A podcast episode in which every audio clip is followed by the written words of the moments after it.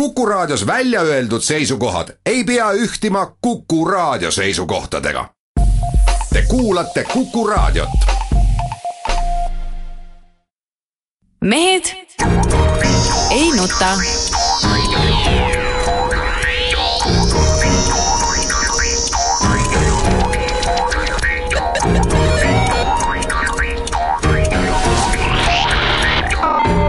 mehed ei nuta tere teisipäeva, Mehed ei nuta eetris, Peep Pahv Postimehest, tervist! Tarmo Paju, nüüd peab sosinal ütlema, Delfist, sellepärast tervist, tervist, tervist. sellepärast et muidu võib siin äh, järgneda aktsioon ei ja, siin ei ole midagi, varjata ei ole siin midagi. Delfi mehed te olete ja kui siin ikkagi ütleme, Delfi saated juba ära kaovad siit kanalist, ega siin teil ka pikka pidu tänu minule te saate siin üldse veel käia, kui mina teid siin ei hoiaks, siis oleksite juba ka vallandatud et noh, nii see on, mehed, midagi ei ole teha. juba täna tuleb töötada õiges kontsernis, ütleme me juba täna otsustasime, et noh, selles mõttes on muidugi hea, et ega me ei pea täna rääkima midagi siin. Peep räägib, me noogutame. ja me noogutame kaasa, jah. ja aga teil ei olegi, ega teil muud rolli polegi siin kunagi olnud, nagu sa, Jaan, ise ka tunnistasid seda, eks. jah, ja Jaan Martinson siis on Delfist ja Eesti Päevalehest ja igalt poolt no,. igalt poolt võid öelda igalt poolt võib kõva häälega öelda. jaa, igalt poolt jah, selle ütleme kõva häälega, no mis Eesti Laul oli vahepeal siin Eesti meistrivõistlused laulmises. laulmises jah, käis siin meil va-, saate eel väike diskussioon. jumal tänatud, jumal tänatud, et ei võitnud Mikk Pedaja, kes millegipärast meeldis spetsialistidele, aga loomulikult ei meeldinud rahvale ja ja, ja nii see asi ei läinud, olin, olin šoki äärel vahepeal, et, et ohoo tonti, et no kuidas nii uimane laul, mida kuulates noh, iga inimene jääb ilmselgelt tukastama või, või kukub lihtsalt pikali, noh, ei saa ju kuskile jõuda, tead küll aga olen rahul, ütleme nii, et äh, kaks esimest olid ikkagi ütleme, tippvormis parajasti tundus ja, ja ja, ja õi-, õiged, õiged asjad said etteotsa. et vorm oli hästi ajastatud? vorm oli hästi ajastatud, jah. et noor mees, vaatame nüüd, kuidas see äh, Pootsmani poiss siis nagu hakkama saab, eks ole, noh, sest et ega seal, kas ta suurvõistluse närvi ka on, seda me ei tea seda me veel ei tea, noh ta on Eesti pinnal on ikkagi ennast tõestanud. üks asi on, vaata sa võtsid, sa võtsid Eestis ka heita ketast, eks ole, kuuskümmend meetrit, kuuskümmend üks meetrit, aga aga lähed MM-ile ja potsti viiekümne kahe peal on maas ja ongi kõik, eks ole. ma neid noori väga ei usaldaks muidugi. no ja. ikkagi on see parem, ma arvan, kui teha kuskil Ameerikas tuuleoludes, nagu tuule toel, mingisugune hea tulemus, et selles mõttes kui sa Gerd Kanteri karjääri vaatad, siis üldiselt Eestis tehtud tulemus kandub ikkagi ka välismaale suurte, suurtele võistlustele. võttis ka kaua aega, suurtele võistlustele kõrbes korduvad, nii et et tegelikult loogika ütleb, et Pootsman nüüd seal, kus iganes see oli, Norras või kus see toimub, eks ole, finaal või kus no pigem ei, no pigem seal ta kõrbeb, siis järgmine aasta Eesti tsempionaadil taas esimene, siis jõuab juba ei, ei, sinna edasipääsu lävele, siis kolmandal aastal taas Eesti tsempionaadil esimene ja siis võib juba midagi tulla. pigem sa minu arust ajalugu ei mäleta piisavalt hästi, et et ajalugu on näidanud, et siin suudavad kohe esimese nagu korraga Eesti soorituse pealt minna küll, siin Stig Rästad ja Elina Bornid ja no, mis, Leplandid ja kõik me, medaleid said nad või? no medaleid ei saanud, aga no, ikkagi no, no mis medal no, maksab. suusatajad ei saa kolmekümne hulka ei no jaa, aga no esikümnes olnud. no aga sellepärast ongi halb ju, noh. mis me räägime, mingi viies koht, hurraa, hurraa, ei ole ega lõpuks Tanel Padar käis ka, esmakordselt läks ja kohe võitis. ei no Padar aga ta, tal ju vana mees oli, vana mees oli kõrval. tal oli jah, tal oli täpselt, tal oli nagu mentor, mentor ja tugi oli kõrval nagu ja saame aru, kui praegu jalgrattaspordis ütleme, mingi viieteistaastane läheb kuskile välja, aga ta hakkama ei saa, aga Kirsipuu ja Äss tuleb kõrvale ja teevad asjad ära, tead, noh, nii ongi, noh. ega see Padar üksi ei oleks ju midagi saanud seal, noh. poisike, jah. ta oli poisike ja, ja ta, ta oli ju, ta oli see huligaan ka, no kas ta siis lavale üldse jõudnudki oleks, seda ei tea, kui poleks vanemat inimest kõrval olnud. nii, okei okay,, kuule, aga, aga räägime nüüd, räägime nüüd siis spordist ka ja, ja kiidame esialgu nii ühte kui teist, näiteks kiidaks Anett Kontaveiti, kes Mehhikos tegi elu parima turniiri, võitis kaks, kaks väga tugevat vastast, lõpuks lõp... nõrgemale kaotas? nojah, noh ütleme niimoodi, et ma vaatasin seda, seda mängu, mängu tal, seda kaotatud mängu, noh, tüüpiline, tüüpiline Kontaveiti, ta ründab, ründab, ründab, igat palli üritab ainult punktiks lüüa ja vaatad küll kõrvalt, et, et aeg-ajalt oleks pidanud natuke tempot maha võtma, hoogu maha võtma, palli mängus hoidma ja siis ootama nagu seda nii-öelda rünnaku momenti, aga, aga paraku ma ei tea, kas, kas see stiil peabki tal niisugune olema või peaks natuke kohendama seda, ma ei oska öelda. natukene nagu Kaia Kanepi rada käib mingis mõttes. noorest peast eriti, ma mäletan, oli, oli nagu sama teema väga palju Kaia Kanepil ka just, et kas taktikaliselt võiks teinekord suuta midagi võib-olla muuta oma mängus. jaa, kas noored, noored ei pea taktikale väga palju mõtlema, noored peavad panema nii palju, kui torust tuleb, et selles suhtes on nagu õiged. et, et praegu, sa oled noor, tuled alles tippu, praegu sa lähedki, proovid panna jõuga ja, ja teravusega ära need asjad ja kui, kui paar, ütleme see hooaeg on näha, et sedasi päris ei saa, siis pead hakkama mingeid taktikalisi käike otsima, kõigepealt tuleb ikka, ikka jõuga proovida. no positiivne on siiski see, et, et need õnnestumised on nüüd ikkagi aina sagedasemaks muutumas, vähemalt hetkel mulle tundub niimoodi. ja, ja on, on jälle, mida vaadata ja keda vaadata ja, ja võidud ja. olid kõvad, jah. nii, kiidame ka Eesti Davis Cupi tennisemeeskonda puges nii-öelda mudaliigast no, välja no, ja ütleme nii, et, et ma siin selle kiitusega võtaksin natuke hoogu maha, sest et ütleme, tase, ütleme see latt, mida, mida tuli ületada, asus põhimõtteliselt ikkagi eh, maapinnaga võrdsel kõrgusel, et seal, seal nagu mahaajamisvõimalus noh eh,, puudus. noh, nii ja naa. nii, aga kiidaks ka kiirusuitaja Martin Liivi, kes võitis juunioride MK-etapi kiiruisutamises ja, ja nüüd kohe Äh, sel nädalavahetusel on ka mm ja kui, kui ta ka MM-il mõne medali koju tooks, vot, vot, vot see oleks äge. vot see on kõva asi, jah. See on, see on, see on kõva asi ja see on ikkagi nagu niisugune päris sport ja, ja selles suhtes noh, muidugi see juunioride värk on alati, ega need kunagi me ei tea, kas juunioride tiitlivõitluse võites tuleb midagi päriselt ka, aga aga praegu kõik märgid näitavad küll, et, et sellest poisist ikkagi võib tulla. võiks midagi võiks tulla. midagi tulla, jah. nojah, aga samas, kui sa oled juunioride seas juba mingi kahekümnes, no siis on raske loota, et üldse midagi tuleks, jah. just nii. Ja noh, kiidame siis ka judokaid Grigori Minaškinit ja Juhan Metist, kes pääsesid judo MK-etapil äh, Peruus poodiumile, paraku olümpiapunkte see juurde eriti ei andnud, et äh, võiduga nad oleks, võidu korral nad oleksid äh, saanud endale olümpiareitingusse punkti lisa. aga paraku läks nii ja, ja noh, judokad on ju, nad ju sõidavad ringi äh, sinna, kus, kus äh, tipud kõik kohale ei tule, vaata nad tulid ju Aafrika meistriks, tuli siin keegi ja no see muidugi näitab järjekordselt ka seda, seda ala ja süsteemi nagu totrust, et käiakse otsimas mingeid nõrku võistlusi selleks, et saada mingeid punkte, no see on, tead, see on nagu, nagu nõme. no siin minu meelest ikkagi mõnel suurel Grand, Grand Mastersil tule poodiumile ja sul on olümpiakoht käes. või tule tiitlivõistlustel poodiumile, väga lihtne. noh, mingis mõttes on nagu sa oskad võib-olla öelda, Jaan, et kas nad, kas see, mis nad praegu tegid poodiumi kohaga, oli nüüd nagu sportlikus mõttes punktid kõrval, et oli see võrreldav nüüd selle korraga, kus nad MK-etapi võitsid? no põhimõtteliselt küll jah, no umbes tase on see, kui, nad võitsid seal Aafrikas selle tšempionaadi, et, et kui vaadata, no ma-, maailma tipud sinna kohale ei tule. aga kui sa tahad kuskil tiitlivõistlustel medalit saada, pead võitma maailma tippe, aga noh, loodame, et poisid arenevad. Nii, aga siia kiiresti esimese saateosa lõppu veel räägime ka ühest noh, ikkagi ma arvan, oi või siiski mitte kah, mõtlesin poole lause peale ümber, see on nagu kiitus natuke ka, aga tegelikult on see laitus, no, laitus rohkem. see on ikka rohkem laitus. ehk siis Kaarel Nurmsalu ülekaalukas võit äh, Eesti meistrivõistlustel suusahüpetes, tegi Kaarel Nurmsalu comeback'i ja tekitas minu arust vähem võib-olla seda küsimust minus, mida Jaan on siia meile nagu lausena ette kirjutanud, et näitas Eesti suusahüpete tegelikku taset, see ei tulnud ju kellelegi üllatusena.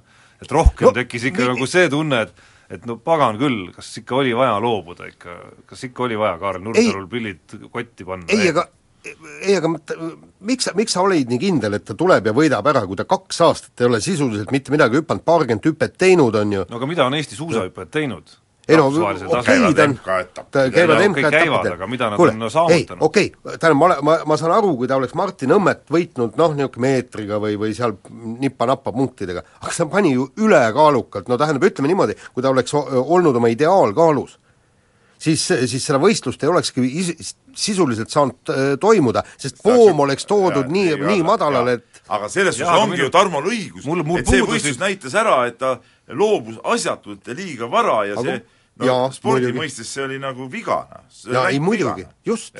no see, seda ta näitas ära, aga sea-, sealt äh, alt tuleb äh, kaks noort poissi, Arti Aigro ja Kevin Maltsev, et väidetavalt väga ilusasti hüppasid poisid.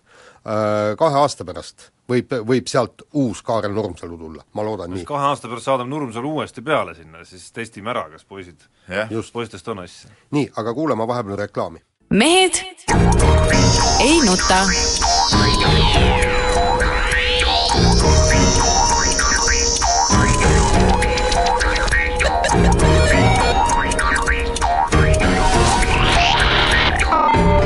Mehed ei nuta jätkame saadet kiire vahemänguga ja Eesti jalgpalli meistriliiga algas ja noh, algas äh, nagu tavapärasel moel, et Flora ja Levadia fännide kaklusega ja meeskonnad ise tegid null-null viigi. Et äh, vaatasin videot sellest kaklusest, no andke andeks, kuulge, no noored on ikka aitud, no mis kaklus see oli? see oli lihtsalt niisugune rähklemine, ma ei tea, kas keegi üldse seal pihta sai, siis siis eemalt üks kus... vist sai, see oli vist enne seda, kui see video algas, aga mm, see oli näha, kuidas seda tohterdati seal natukene. jaa, jah, noh no aga no. kui mäng oli igav, no mis sa teed, kuskilt peab seda action'it no see oli enne vist. see oli enne mängu? aa, ma seda videot ei vaadanud. ei no aga ikka uus hooaeg algab, ikka tuleb alustuseks ütleme nagu ütleme, tuleb jõujooned paika panna. ütleme, tuleb ära markeerida hooaja algus, et aga minu arust rohkem eh, sellest eh, kaklusest eh, pälvis minu tähelepanu ikkagi see, et tuntud Rumeenia kõrtsikakleja ja amatöörväravaht tõusis nagu mängukangelaseks, tead noh. mäletad, vist oli ju, ta käis ju Rumeenia liigas, mängis ja seal sattus mingisse löömingusse tookord, et et ma arvan, võib-olla tema oligi nagu võib-olla ka nendele nüüd nagu Levadia fännidele nagu see impulsiks, et, et noh, niisugune mees on taas platsil ja ja, ja proovime ka siis, ütleme, teda järgi teha, tead noh. et ikka oma iidolit tehakse järgi. noh, ütleme niimoodi, et äh... Sergei Leppmets oli vist ära. just. aga vanasti oli mingi teine nimi veel. see Leppmets ta võttis pärast. jah. aga ei noh, ütleme niimoodi, et, et vennad andsid äh, oma punktid ära ja vaatame, siin võib-olla jalgpallitsempionaat läheb ikkagi põnevaks, loodetavasti. siiski ma tahaks kolleege ka kiita, äh, kolleege siis Eesti Televisioonis, kes Eurovisiooni või tähendab selle Eesti Laulu vahepeale suutsid teha Aktuaalse Kaamera ja siis Aktuaalse Kaamera spordiuudistes teha äh, umbes niisuguse viieminutilise lõigu, noh nagu põhimõtteliselt nagu Eesti jalgpallimeistrite finaal oleks olnud. Mängus, seal said sõna, seal mõlemad treenerid, seal mingid kaptenid, pikad-laiad analüüsid, kõik asjad, et noh, lihtsalt võimas, ma ei ütle muud midagi. nii. jah, Peep, nii ta on, ongi võimas. Ongi nii võimas.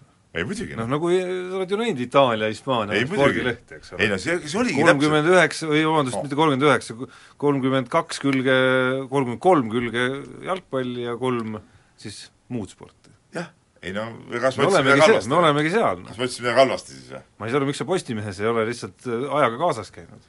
Miks sinu kolmest spordiküljest ikkagi, miks ma loen sealt kogu aeg mingit, äh, ma ei tea, korvpallist, võrkpallist no,, kergejõustikust erinevalt meie heast sõbrast äh, härra Tiislerist, vanameister Tiislerist, kes on ütleme äh,, asunud reeturlikkuse teele ja korvpalli juures suundunud jalgpalli juurde, minu puhul seda ei juhtu. no näeme aeg, äh, aeg näitab. aeg näitab, see, siia, siia sobib see Jaani kuldne lause. et vaatame. küll me näeme. Nii, küsimus ja teema number kaks, kas kohtunik või kohtunike laud röövis Rakvere Tarvaselt võidu Tartu Rocki üle, kui lasi tartlastel mängida üle rünnakuaja teisel lisaajal siis väga põnevas kohtumises, kus brändis Reili Ross ja tema tulek oli siis Tarva teinud hoopis uueks meeskonnaks, aga no küsimusele vastates muidugi noh, ütleme, ega Tarvas oli muidugi üsna nadis seisus juba niigi. aga noh, üsna piinlik pakk oli ikkagi see kohtunik laual. no väga piinlik. Ja, ja, ja minu arust Andres Sõbra äh, see emotsionaalsus oli igal juhul absoluutselt põhjendatud, no niisuguseid asju ei saa juhtuda, no see on täitsa ebareaalne. no loodeta-... täitsa ebareaalne, no see on, see on, see on, see on üliränk eksimus tegelikult. et noh, me, me ei tea muidugi kunagi, kuidas see täpselt mõjus, kui Rakvere Tarvas oleks selle rünnaku kätte saanud, no esiteks me ei tea, kas ta oleks selle rünnaku kätte saanud, kui viis sekundit oleks seal olnud, siis Rocco oleks kohe ju viskele läinud, on ju, ja nii edasi ja nii edasi, et seda kõike on nagu raske öelda, kolmega olid taga ka sellel hetkel. Aga ütleme, selle koha pealt mäng iseenesest murdus küll, jah. ja huvitav, kas sõbra juures ja Rakvere Tarva juures on käidud vabandamas tegelikult? ma minu meelest kahtlustan, et sõber võis selle, selle väljaütlemise eest trahvi hoopis saada, mitte keegi ei läinud eest vabandama. no vot see oleks küll eriline sigadus mängu... korvpalliliidu poolt muidugi, kui nad niimoodi teeksid, tead noh. ma kahtlustan, et pigem võib-olla mitte, aga mängu peakohtuniku asemel ja komissari asemel ma võtaks küll selle kõne. aga see komissaride roll on üldse niisugune kahtlane. Nad on nagu enda, noh, mitte enda arust, vaid nad peaks olema kõige tähtsamad mehed mängul, eks ole, kes ka ütleme, parandavad mingeid vigu, kui midagi on ma olen jälginud ka mõnikord tihtipeale, eh, kui treenerid käivad mingi jama, lähevad sinna küsima, siis alati laiutavad käsi alati umbes, et noh, et, et jah, kõik on hästi. eriti hästi tuleb žest välja legendaarse Atso Matsalul, et ma olen tähele pannud, et see on nagu, et Atso, kes ise, üks mu lemmikvilemehi, on ka üks mu lemmikkomissare. just eriti selle žesti pärast, et see nagu, see väga hästi, ma arvan, et ta peegli ees on ka seda harjutanud, seda, kuidas teha siis teha niisugust nägu nagu ei, ei no pärast vaatame, mis siin on, rahu, kõik, ei oska midagi praegu ütelda, no mis sa pärast vaatad. aga seda sa ütled nagu enda näite pealt või? sa ka harjutad ei. oma seda nagu absoluutse tõe nagu sellist ei, nagu levitamise stiili? mida enda, aa, peeglis, ei, ma arvan lihtsalt, kuidas ta muidu ei ma mõtlen, kas sina ise harjutad oma asju nagu peegli ees? Mul ei ole, mina ei žestikuleeri, keegi nagunii mind ei näe siin ju praegu. kui sina näed, ka meil on kaamerad üleval. ah, kuule, ükski normaalne inimene ei kuula raadiot niimoodi, et ta vaatab kaamerast pilti noh, ma arvan, nüüd need kõik, kes seda hetkel teevad siiski tunnevad, peavad tundma ennast ebanormaalsena. aga mina, mulle see interneti värk nagu eriti üldse ei meeldi. internet on saatanast. see on saatanast, nii. aga no mis toimub, ütleme nii, et ka meie üks põhispordialased kergejõustik Erik Teigamäe juhtimisel on vajunud täiesti põhja, mutta ütleme niimoodi, kahjuks, sest et Euroopa talvised heitjate karikavõistlused ja meil ei ole välja panna mitte ühtki odaviskajat. no kaks meest on meil olümpial juba, eks, üks mees kindlasti pürib ja, sinna. ja, ja kellelegi ei sobi minna, et milles asi, mille, miks võetakse siis ütleme, alaliidu rahalist toetust, kui ei taheta koonduse eest võistelda no,. on see mingi võistlus, kus nagu väga peaks võistlema? võiks ju. Euroopa talvised no, kuulge, kedagigi, kedagigi okay, leida siin. põhimehed ei saa, no ikkagi kedagi oleks võinud ikka sinna saata. Noh. kuule, kusjuures ja kui..., ja ma saan aru, ma sain äh, noor reporter Roosna loost aru, et ta, kas ta pakkus iseennast sinna koondisse? no põhimõtteliselt no, oleks kes oli see, kes oli see viiekümne viie meetri mees, niisugune stabiilne viiekümne viie meetri mees, keda ta veel sai sinna pakkuda? ei, aga kusjuures ta ütles, et ta oleks ääre pealt endale koondise koha välja rääkinud no,. no sest ta on umbes niisugune viiekümne meetri mees. ma tean, et Märt on kõva odamees. Noh. jaa, jah. igas mõttes paraku nii on. ma ei tea, kokkuvõttes on see ikka nii mõttetu võistlus, et nii. sellepärast nüüd väga lohku lüüa pole mõtet. ei, seda küll, aga asi on põhimõttes. nii, meil on aeg otsas, kuulame vahepeal uudiseid. mehed ei nuta.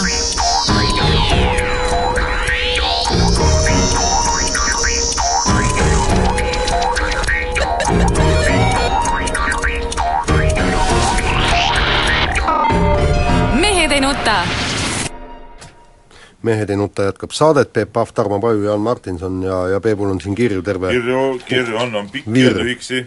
tead, mul eelmine kord ka need kirjad üle, aga ma nüüd pean tunnistama, et ütleme, postkontori juhatajana suutsin need äh, ära unustada ja need jäid jälle maha. seal olid mingid huvitavad asjad, mis jäid eelmine kord lugemata, noh, jääb nii, jääb nii, elu on karm, aga õiglane, uued asjad tulevad peale ja see on nagu see, see on nagu see töö nii-öelda, tööle värbamise variant, kui on terve pakk, siis pool viskad ära, et elus peab õnne ka olema. jah, just täpselt. jah, ma võin rääkida, kus ma kunagi võtsin Madis Kalveti tööle, näiteks tema ka sai, tööle sai niimoodi, et alguses ma praakisin ta välja, noh, seal ka mingid osad lükkasin kohe kõrvale ja siis vaatasin, mees oli saatnud CV, kus oli oma pilt oli ka peale pandud. ma mõtlesin, et see ka mingi normaalne vend ei ole. kohe läks sahtlisse ära, tead. aga siis keegi, kes alguses, keda ma välja valisin, osutus ikkagi täielikuks tondiks, siis ütleme kuigi ta ei olnud pilti pannud tema see jah, jah, ja siis tuli siiski Kalveti CV tuli uuesti sahtlist välja võtta ja ja nagu noh, ütleme pikkade hammastega, pikkade hammastega tööle võtta, kuigi ta eksis ka esimesel tööpäeval kohe. seal oli vist oli mingi jalgpalli tiitlivõistluse finaal oli ja, ja ma küsisin ta käest esimesel päeval, et noh, et kelle poolt olid ja ta ei olnud muidugi minu võistkonna poolt, mille peale ma pidin talle ütlema, et sellega loeme töösuhte lõppenuks panigi asjad kokku ja lahkus, aga siis noh, mul läks süda ärdaks ja kutsusin siis veel kord tagasi. kui siin juba vaata sinu värbamiste peale jutt läks, siis, siis mulle meenus eelmisest nädalast siiski üks teema, mida poliitminutiteski oleks võinud äh, kajastada, ehk siis äh, kuulus lugu on ju see, et, et sa oled kunagi lühiajaliselt võtnud ka Hendrik Kalmeti endale tööle.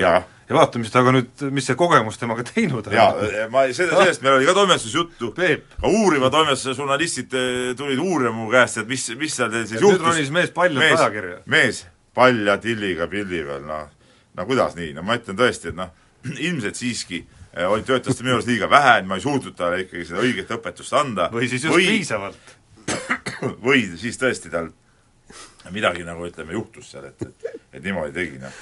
ütleme, see ei ole päris õige no, värk nagu... muidu, muidu ta mulle meeldib, aga see, mulle see pilt küll ei meeldi. no väga elav tõestus, kuidas Peebuga kokkupuude traumeerida inimest. no üks äh,, meil on seal igast vendi tööl käinud. üks lahkus näiteks äh, töölt ootamatult, võttis kaasa ka prügikasti ja jooksis minema lihtsalt. pärast ta pidi ennast natuke aega turgutama, aga nüüd ta on jälle täitsa ühiskonnas tagasi täitsa, täitsa hull sinu juures töötada. kuni järgmise korrani, kui ta sinuga kokku puutub. jah, et äh, aga prügikasti tõi tagasi või? ei, seda ma ei mäleta. aga vaata, ma olen kasvatanud üles terve plejaadi ikka toredaid inimesi, noh vaata, kes praegu töötavad, seal on veel, kes on minu juurest läbi käinud, eks ole, on, on küll, nii et ega ei saa ütelda. küsimus on lihtsalt see, et mi-, mis, mis nad teevad siis, kui nad nagu nüüd mingil põhjusel peaksid lahkuma selle juurest? Noh, kes jälle paljatilliga läheb ajakirja ja kes hakkab no, prügikaste koguma ja aga näe, Jaan saab, saab hakkama elus, näed. no ega ja, me ei tea, nii ta ole jah, pildi, ja pildi peale ei ole läinud. pildi peale pole läinud igatahes. nii, oota, kirjad ja läksime no on hea, selles mõttes, et ta vaata nii kole lihtsalt. ta on nii kole, jah, teda mõtle, kui tõesti üks mingi ajakiri kutsuks äh, Jaan Martinsoni sellisena foto, niisuguse foto avaldaks. ma arvan, et müüginumbrid kukuksid allapoole nulli seda siis keegi ei suudaks vaadata, seda pilti. no ma arvan, et seal oleks kohe, kui Kalmeti pildi puhul nagu seda teemat ma arvan ei teki ja ma arvan, et pornokomisjonil ei ole keegi ka teinud siis Jaani puhul oleks, kes meil siin on nüüd see, Tarvi Pürnil oleks kohe, siis oleks nagu tööd. ja see oleks mida lihtsalt porno, see oleks hardcore porno juba või Jaani pilt selline.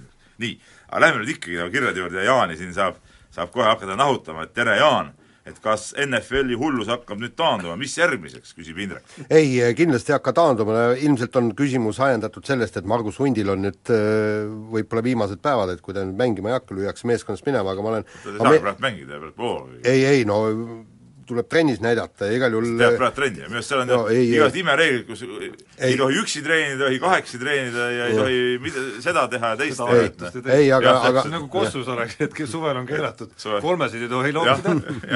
ei, teatud aja, ütleme, et nendel kuupäevadel ei tohi, aga nendel kuupäevadel siis tohid jälle. paaritutel võid vabaviskid ja paarid. kaks-üks võid mängida aga kolm-kaks näiteks ei tohi mängida. ei, aga ei, ei NFL ei kao kunagi kuhugi, kaheksakümne kolmandast aastast ma olen seda jälginud, nii et et jälgin ka edasi. nii, äh, nüüd nahutatakse paljude lemmikud Reinar Hallikut, et äh, kirjutab siis Lauri, et see, kui klubis on keerulised seisud ja mängida ei saa, ei keela ju ometi jõusaalis käia ja end vormis hoida. mida arvate teie? noh, kirjutan kahe käega alla loomulikult. no aga põhimõtteliselt jäätist süüa võib ju, rahulikult, kehakaal tõuseb ja äkki keegi keelas, noh? Oli jälle seesama see, ütleme seal klubis oli ka NFL-i põhimõtted olid, et, et et kui asjad on jamad, siis trenni ka ei tohi teha, noh. miks ka mitte, noh. absoluutselt. et olidki, hooned olid kinni, no siis muidugi jääb küsimus, kodus kätega võrreldes ikka võib teha. ei, aga kui see on keelatud. et jääd vahele ja võetakse palk üldse see on vanasti jõulude aeg tõmmati paksud kardinad ette, siis allik oleks pidanud ka paksud kardinad ette tõmbama ja, ja käte kõverdusi tegema salaja siis. Valmo Kriisa kindlasti oleks teinud. no Valmo oleks muidugi teinud, Valmo oleks ilmselt võimle ukse ka maha lõhkunud, et võimlesse minna nii, Georg Sonne kirjutab meile, küsib, kas Mart Seim on oma hõbeda ja tõukamise kulla kätte saanud? ja, ja, ja kas meie arvates peaks kas kiiremini tegutsema ka näiteks eh, Kristiina Smiguni juhtumi puhul? no, no põhimõtteliselt esiteks ei ole kindel, et eh, Kristiina juhtumi puhul üldse kas mängus on, räägitakse nii ja naa asi on endiselt hämar, aga, aga Mart Seimi kohta vähemalt uudist ei ole ju minu meelest tulnud. kindlasti ei ole ta medalit kätte saanud, see on nagu, see on nagu selge, kogu see asi on jäänud kuidagi nagu toppama ja, ja ja tegelikult selles suhtes ma olen nagu Georgiga nagu nõus, et eh, minu arust peaks neid asju kiiremini menetlema, aga see, võtame sama see Kristiina loo, no see on ju tegelikult, see on ju ajuvaba, mis eh, toimub, kuidas niimoodi nii kaua venitatakse seda. ja tegelikult ajuvaba on ka see, see tõstmise lugu, et noh, kuule teeme siis selle B-proovi lahti ja, ja ja ongi kõik, ega sellega lõputult ei peaks eh, laskma venitada niimoodi, noh, et see on nagu, nagu, nagu totter. nii, aga Vootele kirjutab meile ja ta luges märtsikuust ajakirja Sport, ma ei tea, mina ei ole seda veel näinudki, kas teie olete? ei, ei. ja seal on Mart Soidro persoonilugu Paavo Kivisest ja, ja seal olid siis sellised read eh, nagu Paavo Kivise kohta, et ta on Eesti spordiajakirjanduse grand old man, kelle ees kahvatuvad tänase spordilaada putka jõumehed, mehed, kes ei nuta. ja ta siis, Vooter küsib, kas impeerium annab vastulöögi. ei no miks anda, no kui legend on legend, no ei no aga Paavo Kivise ütleme, omaaegsed kirjutised olid ikkagi äh, ikkagi suurepärased. see on, minu meelest oli Müncheni olümpiaraamat oli täiesti tema kirjutatud ja, ja ja tegelikult see, see oli kunstiteos. üks minu noorpõlve lemmikraamatuid, see võis olla kuskil ilmunud kuskil kaheksakümnendate alguses äkki, oli niisuguses väikeses formaadis oli raamat, pealkiri oli Mäng ja seal olid siis eh, kogutud Paavo Kivise niisugused, niisugused eh, mõned nagu lood ja ja need olid kõik nagu sellised, kuidas ma ütlen, nagu publitsistilised niisugused mõtisklused. et need olid, see, see oli, see oli ikka suurepärane äh, suurepärane tekst, mis seal, mis seal oli, et, et et mind on see nagu mõjutanud, ma võin ütelda igatahes, noh. Pole väga põhjust vastu siin midagi öelda. jah, et me ei hakka, ei hakka siin väga, väga vastu jonnima, nii. aga ma ei tea, lähme nüüd vist teemade juurde, et siin asju on veel, aga järjekordselt peame jätma mõned asjad siin vist, vist varuks.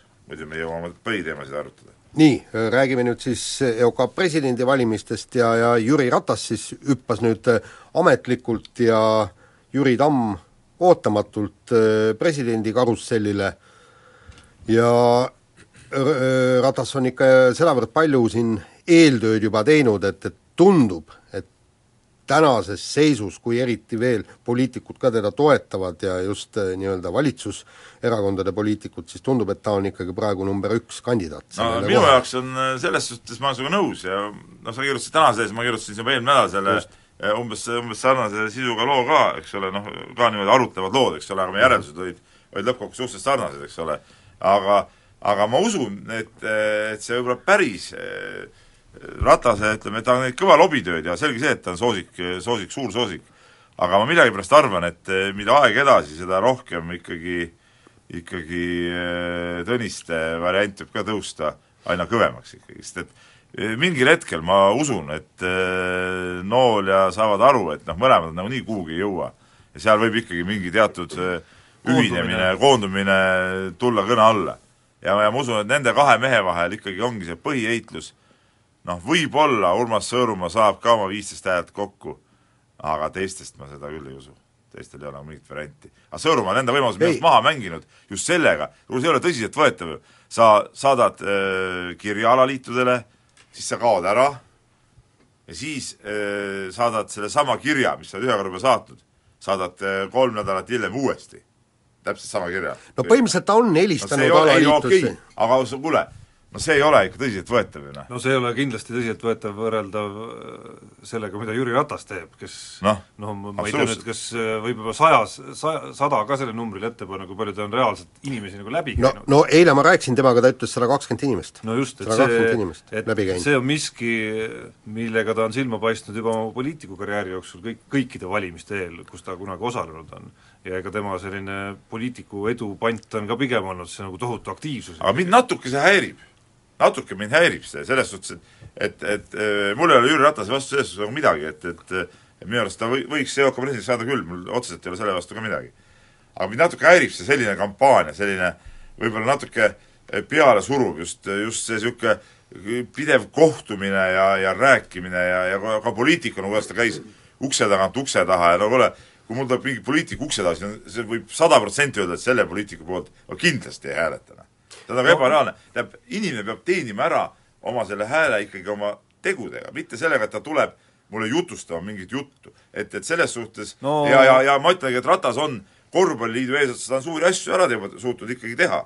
et, et võtame kas seesama see Riia projekt, no ma olin ka selles suhtes teatud määral kriitiline, aga ütleme, ta tegi selle ikkagi ära ja ja seal on, on veel neid asju, eks ole, mille, mille pärast võib tema poolt hääletada, aga kindlasti mitte selle pärast, et ta käib seal kahekümne inimese kohta. siin, no siin tuleks küll minu arust lahku lüüa see, mida enne valimisi sa teed, enne, ma mõtlen Riigikogu valimisi näiteks, et noh, et või, või mida sa teed enne EOK presidendivalimisi, et no mis tegudega sa noh, teod on tehtud tänaseks juba, et selle perioodi jooksul sa ei tee enam mingeid tegusid, on ju.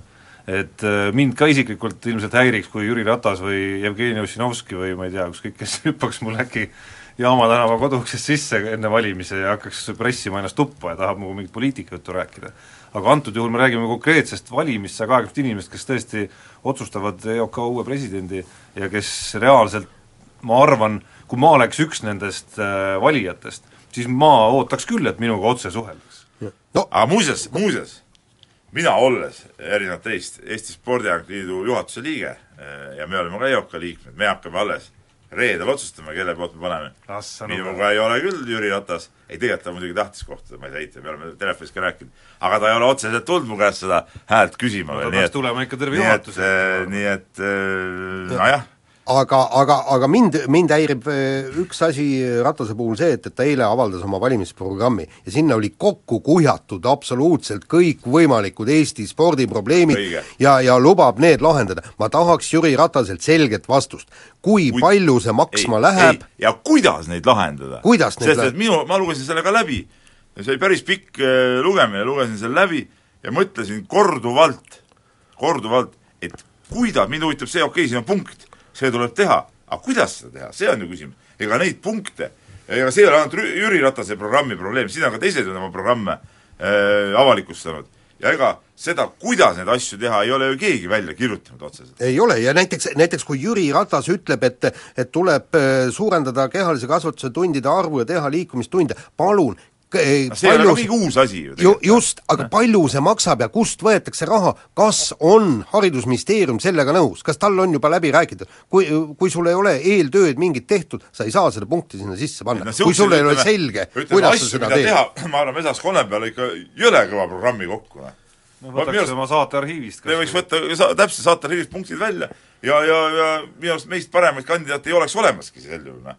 aga, aga küsimus ongi selles, kuidas need asjad nagu ellu viia, selles on nagu küsimus ja seda ma tahaks just ka teada. ja ma loodan, et kui nüüd see, see piir nüüd ära on, see kaheksateistkümnes kuupäev, kui jäävad nagu päris kandidaadid alles, vot siis tulevad nagu need päris debatid ja vot siis tahaks neid asju kuulda. sest see, mis praegu tehakse, mingid debatid, mingid, eilegi oli mingid sultsid ja ma ei tea, mis vennad seal käivad rääkimas, seal no eile mõtled... vist olid ainult ikkagi päris kandidaadid ei, ei no Sults ei pääse ju kindlasti viieteist hääle. aa, Sults oli ka seal? jaa, nii, aga vahepeal kuulame reklaami mehed ei nuta.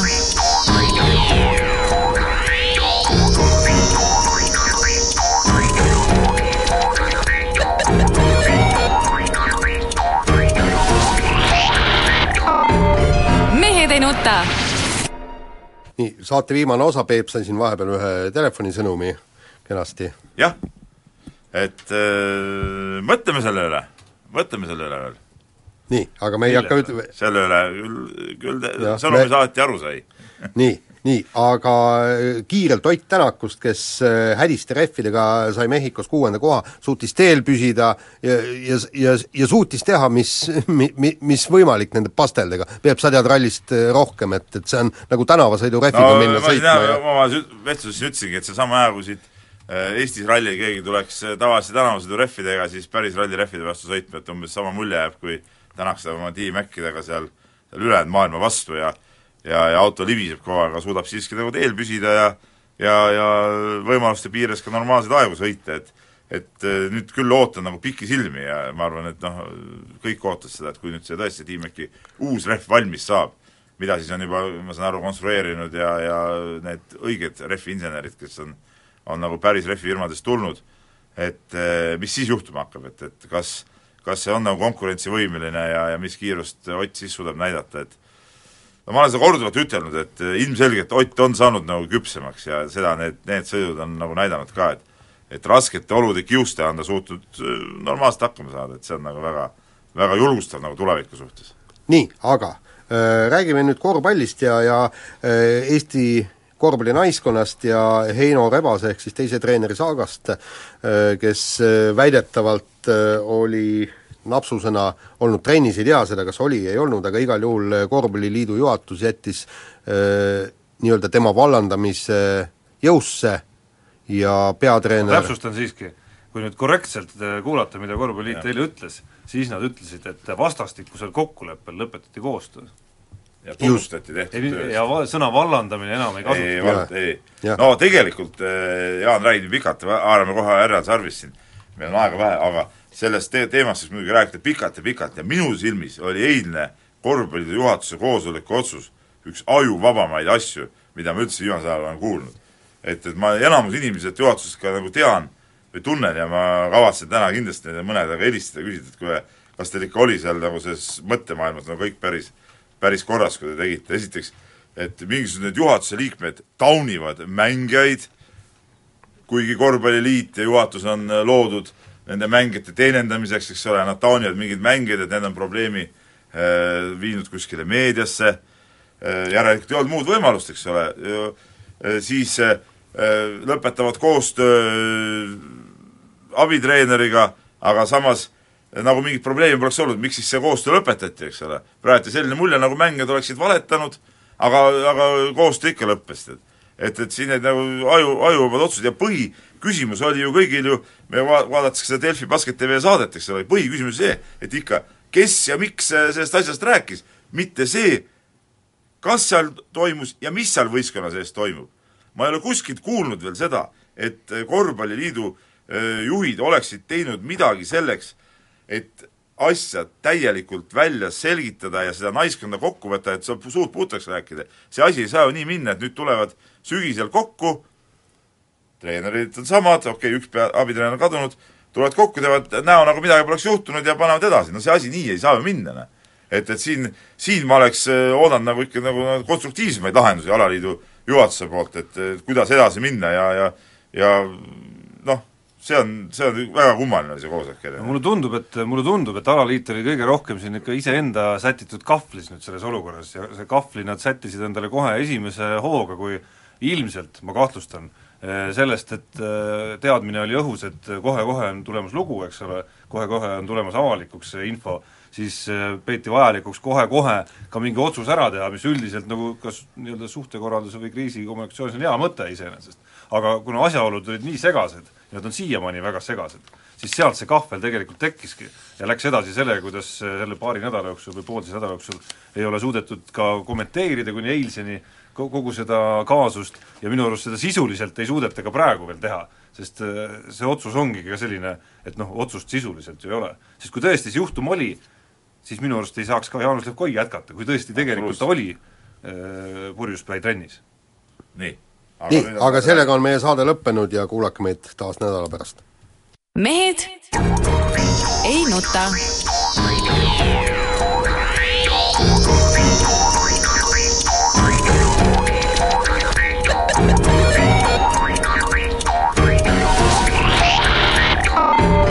mehed ei nuta